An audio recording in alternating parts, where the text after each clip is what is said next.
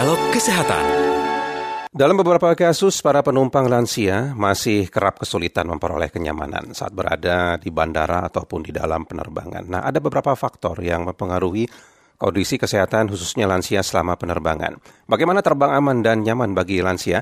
Kita akan bahas ya di dialog layanan kesehatan kerjasama FKUI dan RRI bersama dengan Dr. Retno Wiwawanti SPKB. SPKB. Uh, Dr. Retno Wibawanti SPKP ya, Prodi Spesialis Ilmu Kedokteran Penerbangan. Dr. Retno, selamat pagi, dokter. Selamat pagi. Pagi, dokter. Biasanya kalau lansia itu ya merasa mm-hmm. tidak aman atau tidak nyaman di penerbangan itu karena faktor apa? Oke, baik. Yang pertama, um, lansia tentunya punya perbedaan dengan orang dewasa, dengan anak kecil, atau um, untuk struktur, kemudian untuk fungsi dari yeah. uh, organ-organ di tubuhnya. Nah, tentunya perubahan-perubahan ini bukan selalu berarti lansia tersebut sakit, tapi memang fisiologis ada perubahan karena bertambahnya usia.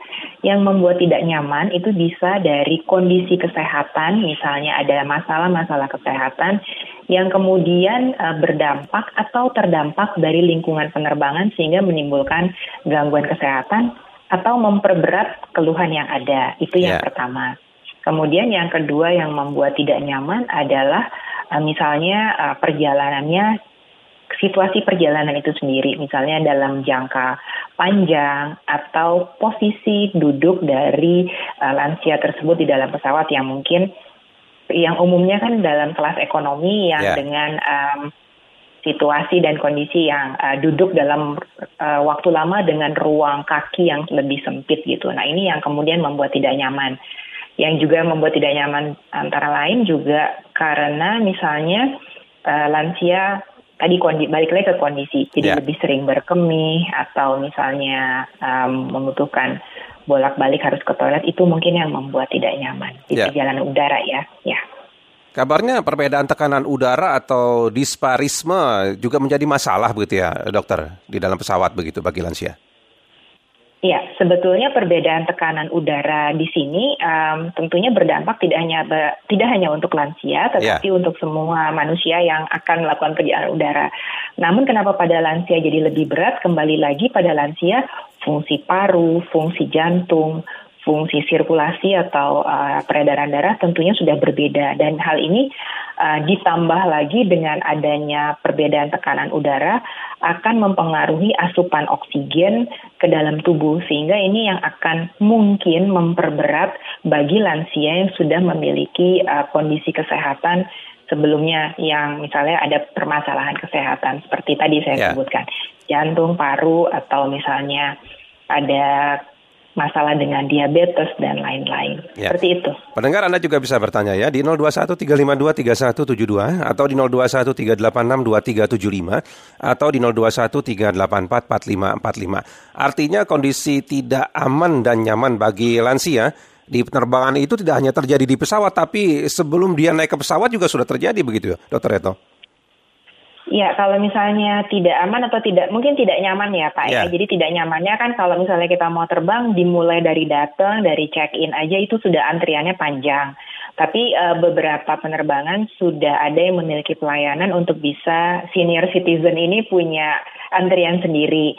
Kemudian kalau misalnya lansianya memang sudah memiliki kendala untuk jalan, itu juga kita perlu mempersiapkan untuk bisa dari pihak penumpang atau keluarga untuk merequest um, kursi roda sesuai dengan kebutuhannya. Apakah selama di terminal saja ataukah sampai on board di dalam pesawat perlu menggunakan wheelchair itu perlu diperhatikan juga sehingga lebih nyaman uh, baik lansianya atau dari pihak uh, maskapai atau pengelola bandara sendiri sehingga lebih aman juga. Ya.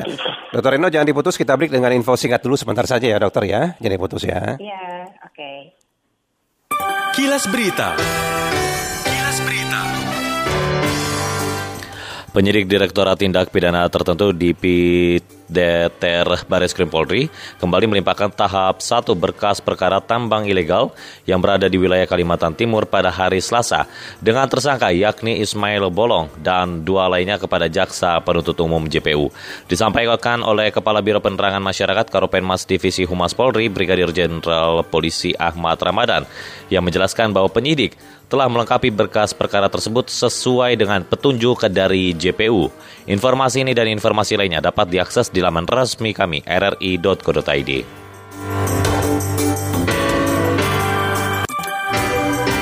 Kilas Berita. Pro 3, Jaringan Berita Nasional. Dokter Retno kita sambung lagi ya. Nah dokter biasanya okay. kan lansia itu ada yang ber, bergian dengan pesawat itu ada yang sendiri, ada juga yang didampingi oleh keluarga. Nah kalau yang berangkat sendiri, apa yang harus dilakukan supaya memang nyaman di penerbangan begitu dokter? Iya baik, jadi um, sampai saat ini memang tidak ada pembatasan usia seberapa tua sih orang yeah. boleh uh, terbang sendiri ya. Namun yang paling penting yang pertama adalah merencanakan dengan jauh hari. Kenapa harus jauh hari? Supaya segala sesuatu yang bisa dipersiapkan baik oleh pihak maskapai dan yang bersangkutan. Yang kedua, bila membutuhkan assistance di pesawat atau di penerbangan atau dalam proses mau naik pesawat, tentunya ini berarti menunjukkan dia tidak bisa terbang sendiri ya Pak. Yeah. Berarti membutuhkan companion. Tapi pada saat sesudah melakukan uh, sesudah dilakukan assessment, inilah pentingnya seorang seseorang atau baik itu lansia untuk bisa mengkonsultasikan dirinya ke dokter spesialis kedokteran penerbangan sebelum terbang, sehingga bisa diassess dari situ. Setelah diassess atau dinilai, bila dinilai keadaannya baik dan bisa untuk terbang, tentunya dia bisa terbang sendiri. Lalu apa saja yang dipersiapkan? Yang pertama adalah obat-obatan pribadi bila yeah. yang bersangkutan memang ada obat-obatan yang dirutin rutin dikonsumsi. Yang kedua karena situasi atau cuaca di penerbangan uh, situasinya mungkin dingin itu perlu mempersiapkan uh, baju hangat atau kemudian uh, sweater atau topi. Yang selanjutnya juga adalah uh, mempersiapkan makanan. Makanan yang memang biasa dikonsumsi karena tidak semua penerbangan uh, memprovide uh, makanan-makanan yang khusus untuk lansia misalnya ada yang membutuhkan rendah garam, uh, membutuhkan nutrisi khusus untuk misalnya diabetesnya itu perlu disiapkan yeah. atau di request ke penerbangannya.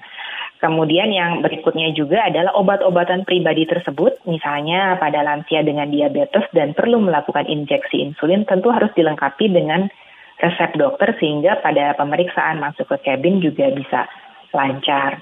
Seperti itu Pak. Ya. Kemudian yeah. yang yang selanjutnya juga adalah um, tidak melupakan bahwa kita perlu menganjurkan kepada lansia ini untuk selama di perjalanan cukup minum air putih, kemudian melakukan aktivitas fisik, misalnya stretching kaki atau berjalan di lorong. Kalau memang kalau memang penerbangannya lama ya, sehingga tidak menyebabkan gangguan di peredaran darah di kaki. Gitu. Yeah. Nah itu kan kalau lansianya berangkat sendiri. Nah kalau didamping keluarga apa yang harus dilakukan oleh keluarga selain tadi mungkin yang dilakukan lansia secara pribadi bisa dilakukan keluarga begitu, dokter? Ya, kalau misalnya didampingi keluarga tentunya lebih enak ya, Pak, ya, ya lebih nyaman dan uh, keluarga tentunya sudah bisa um, hal-hal yang tadi saya sebutkan bisa disiapkan oleh keluarganya. Antara lain kita biasanya ada checklist, misalnya datang tepat waktu. Kenapa harus tepat waktu atau beberapa jam sebelum penerbangan? Karena membutuhkan waktu lebih lama bagi lansia atau keluarganya untuk bisa on board. Dan bila membutuhkan um, misalnya membutuhkan wheelchair, kemudian dokumen-dokumen penerbangan terkait juga obat-obatan yang akan dikonsumsi yang membutuhkan um, persyaratan atau resep dokter itu perlu disiapkan oleh keluarga, obat-obatan, dan memang kalau misalnya ada kondisi kesehatan dari si lansia, penumpang lansia ini dan sudah diakses oleh dokter, itu juga surat-suratnya perlu disiapkan oleh keluarga. Itu, hmm, ya. itu aja Pak. Biasanya yang dokter temui ya, gangguan kesehatan eh, para lansia begitu ketika penerbangan khususnya yang lebih dari empat hmm. jam begitu ya. Dokter yang sering, paling sering hmm. ditemui apa itu gangguannya, Dokter Retno? Oke, okay, yang paling sering ditemui kalau misalnya seorang lansia melakukan perjalanan, misalnya lansianya cukup sehat ya Pak yeah. ya, kemudian melakukan perjalanan 4 jam, biasanya mereka akan mengeluhkan kakinya pegel, sakit atau nyeri, kemudian um, keluhan misalnya um, dingin atau kemudian itu sudah sampai jadinya demam atau misalnya um, perutnya gangguan pencernaan menjadi yeah. kembung Seperti itu Pak. Jadi untuk itulah kita makanya mempersiapkan uh, dengan memakai sepatu yang enak. Kalau bisa duduk di kelas bisnis, boleh di kelas bisnis. Tapi kalau misalnya masih duduk di kelas ekonomi, kita tetap menyarankan dia untuk bisa stretching, jalan dari bangkunya ke toilet, supaya kakinya lebih enak. Dan juga um, menyarankan dia selalu untuk minum cukup, makan yang cukup sesuai dengan kondisinya dan juga menyiapkan uh, pakaian hangat dan obat-obatan pribadi. Ya. Gitu, Pak. Dan kalau memang mengalami gangguan seperti ini tapi tidak bisa mengatasi sendiri bisa menghubungi uh, poli yang ada di bandara begitu, Dokter Retno.